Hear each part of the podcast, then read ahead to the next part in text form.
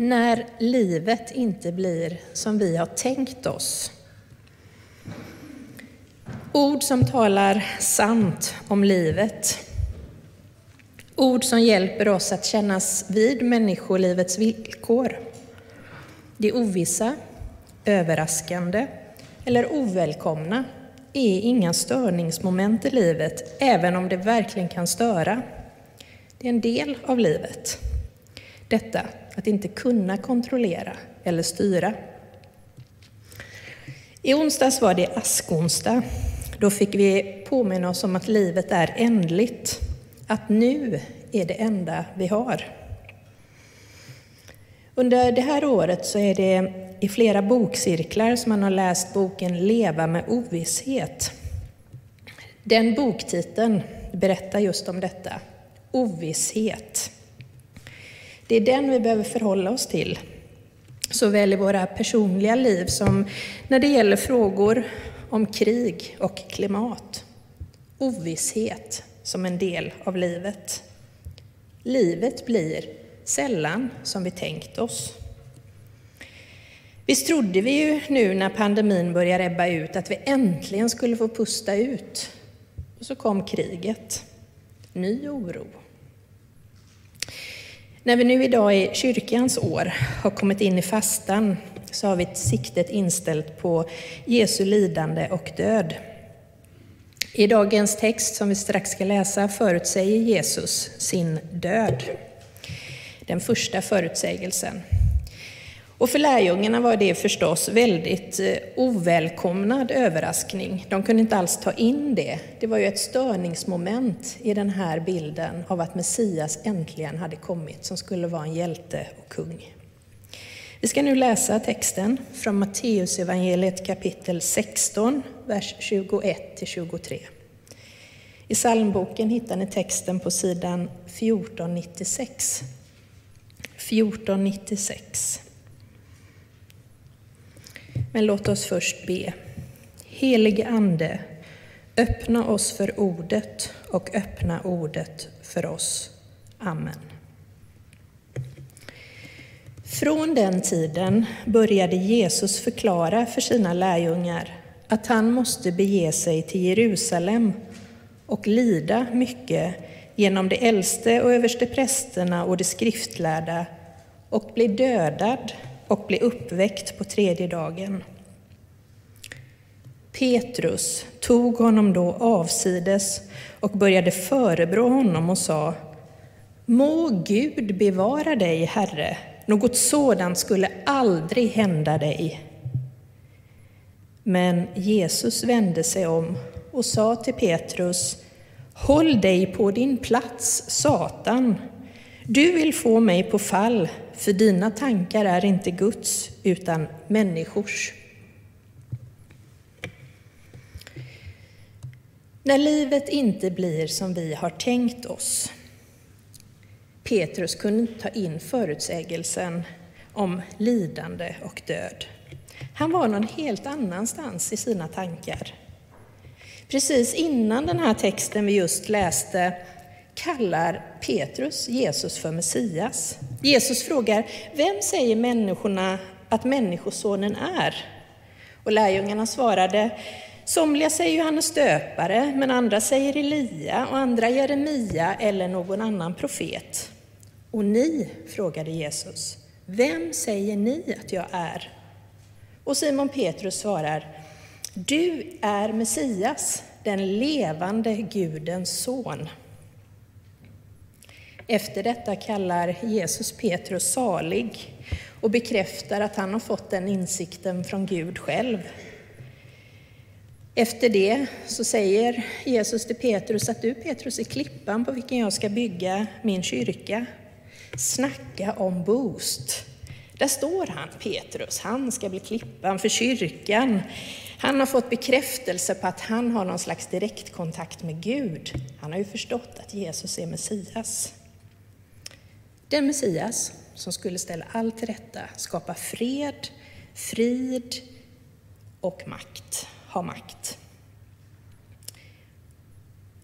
Och Petrus, Han har förstått att jag är en mycket viktig del i Mästarens plan. Och precis efter detta så låter Jesus honom och de andra förstå att han ska lida och dö. Jesus förklarar för sina lärjungar att han måste bege sig till Jerusalem och lida mycket genom de äldste och översteprästerna och de skriftlärda och bli dödad och bli uppväckt på tredje dagen. Och det är nu det händer. Petrus kan inte ta in det här. Lidande, död, korsets väg. Det kan väl ändå inte vara rätt? Petrus känner sig tvungen att tillrättavisa Jesus. Och strax ska vi återkomma till det textavsnittet.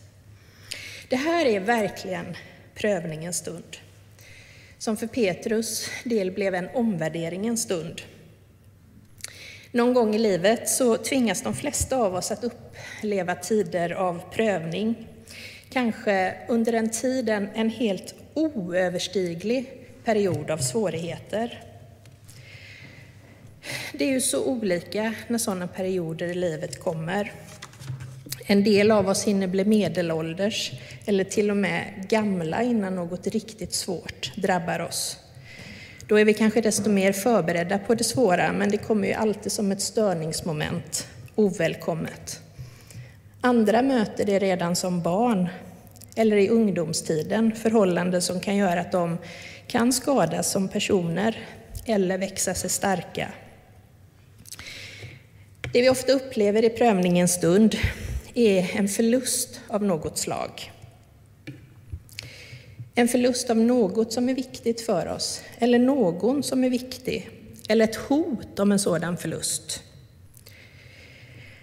Omvärdering innebär att vi blir medvetna om vad vi egentligen sätter högt värde på, eller att vi lär känna oss själva bättre. Pandemitiden var ju en sådan tid för en del av oss, en omvärderingstid. Vad är viktigt egentligen? Med kriget framför våra ögon på skärmarna så delar vi prövningens stund med en hel värld.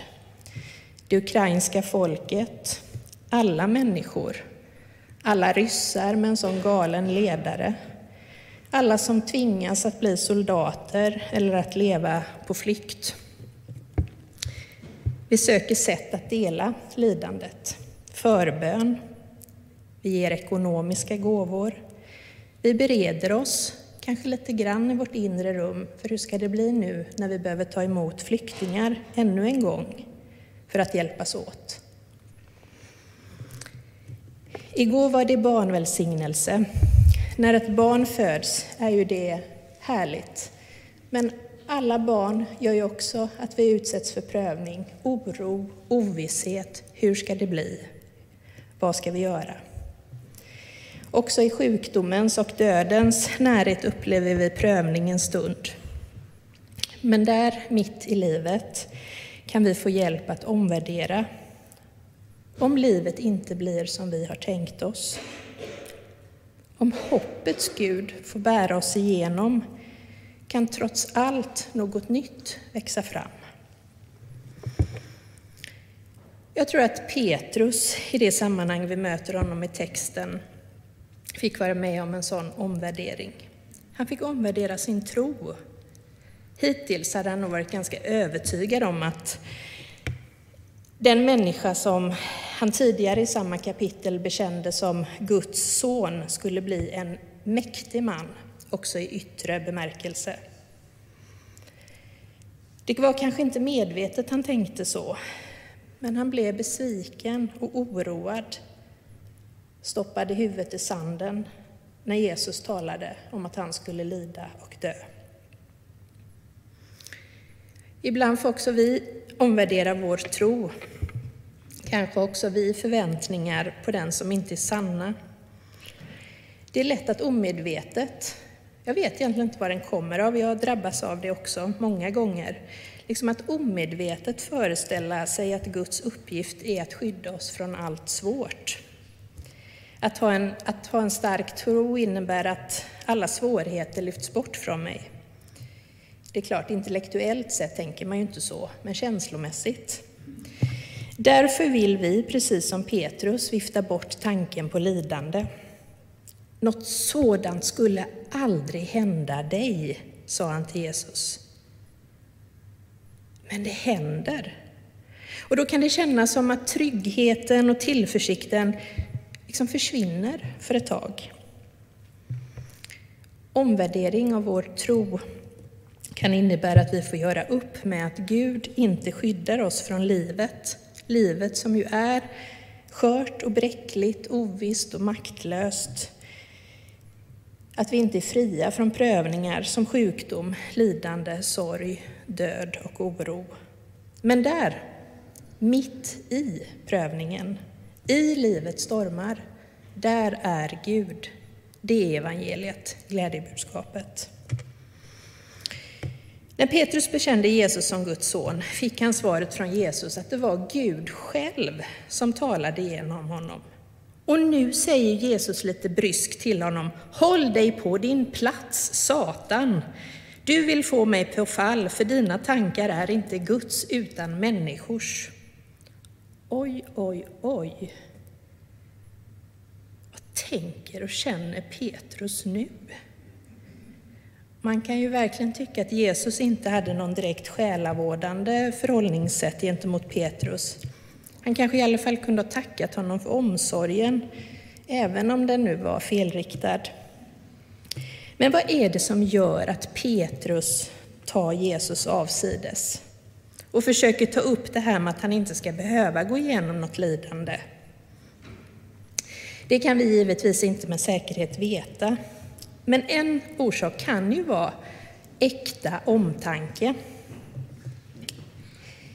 En annan orsak kan ju ha att göra med förtvivlan. Förtvivlan över att Petrus bild som han har av Jesus nu raseras. Att det blir liksom dissonans i hela hans förhållningssätt till livet. Båda de här har att göra med att, Jesus, att Petrus vill att det ska gå till på ett annat sätt. Han har ju tänkt ut hur det ska bli nu. Han vet hur det ska bli det här med Jesus och hur han ska kunna ha makt och hur, hur härligt allt ska bli. Han väljer ett lättare och lite mindre smärtsamt sätt. Ett bekvämare alternativ helt enkelt. Han utgår från sin naturliga mänskliga reaktion och får det att ta över i den här situationen. Självklart Jesus ska inget ont hända dig. Men det Petrus gör, det är att han liksom ställer sig framför Jesus, försöker liksom ta kommando, det här ska hända dig Jesus, eh, istället för att följa efter honom. Petrus försöker vara den styrande istället för den efterföljande. Han vill inte kännas vid lidande och död. Kanske var frågan som Petrus hade behövt ställa för att slippa få den här skarpa tillrättavisningen av Jesus. Är Gud med i detta, även om jag inte tycker att det här är vägen som du, Jesus, min Herre, ska behöva gå? Och hur är det med mig? Hur är det med dig? Ställer vi oss ibland, liksom Petrus, framför Jesus? Vill ändra på vägen och förutsättningarna istället för att leva med Jesus som förebild i hans efterföljd? Är vi beredda på det obekväma eller sticker vi också gärna huvudet i sanden när det börjar bli lite jobbigt och svårt? Kan jag i fastans tid Första söndagen i fastan är det idag. Ta mig tid att fundera på mitt liv. I mina dagliga val och prioriteringar, kan de stå i vägen för den tanke och den väg Jesus har för mig? Hur kan jag lägga undan en del av min bekvämlighet för att Jesus ska kunna visa mig min väg, sin väg för mitt liv? Hur kan jag ge större utrymme i mitt liv för andras lidande och vara en älskande medmänniska? En människa med kärlek som lider med, som delar smärtan och inte bara vill släta över det för att det är bekvämast och skönast för mig själv. En medmänniska som håller ut och står kvar också i prövningens stund. Jesus väg var lidandets, ångestens, korsets och dödens väg. Kan vi stå kvar där med honom när våra medmänniskor utsätts för prövning? Ja, det är i alla fall vår kallelse att vara Guds ögon och öron, hjärta, händer och fötter på denna jorden. I såväl personliga prövningar som vi själva drabbas av eller vår närvaro, som alla de globala prövningar. Att vi får påminna oss om att vi har en Gud, vi har en Gud som är där mitt i allt lidande, all död, allt mörker, all ovisshet. Gud är där när livet inte blir som vi har tänkt oss. När hoppets Gud får bära oss igenom prövningens stund kan, trots allt, något nytt växa fram. När Jesus är där med oss i prövningens stund kan, trots allt, något nytt växa fram. Amen.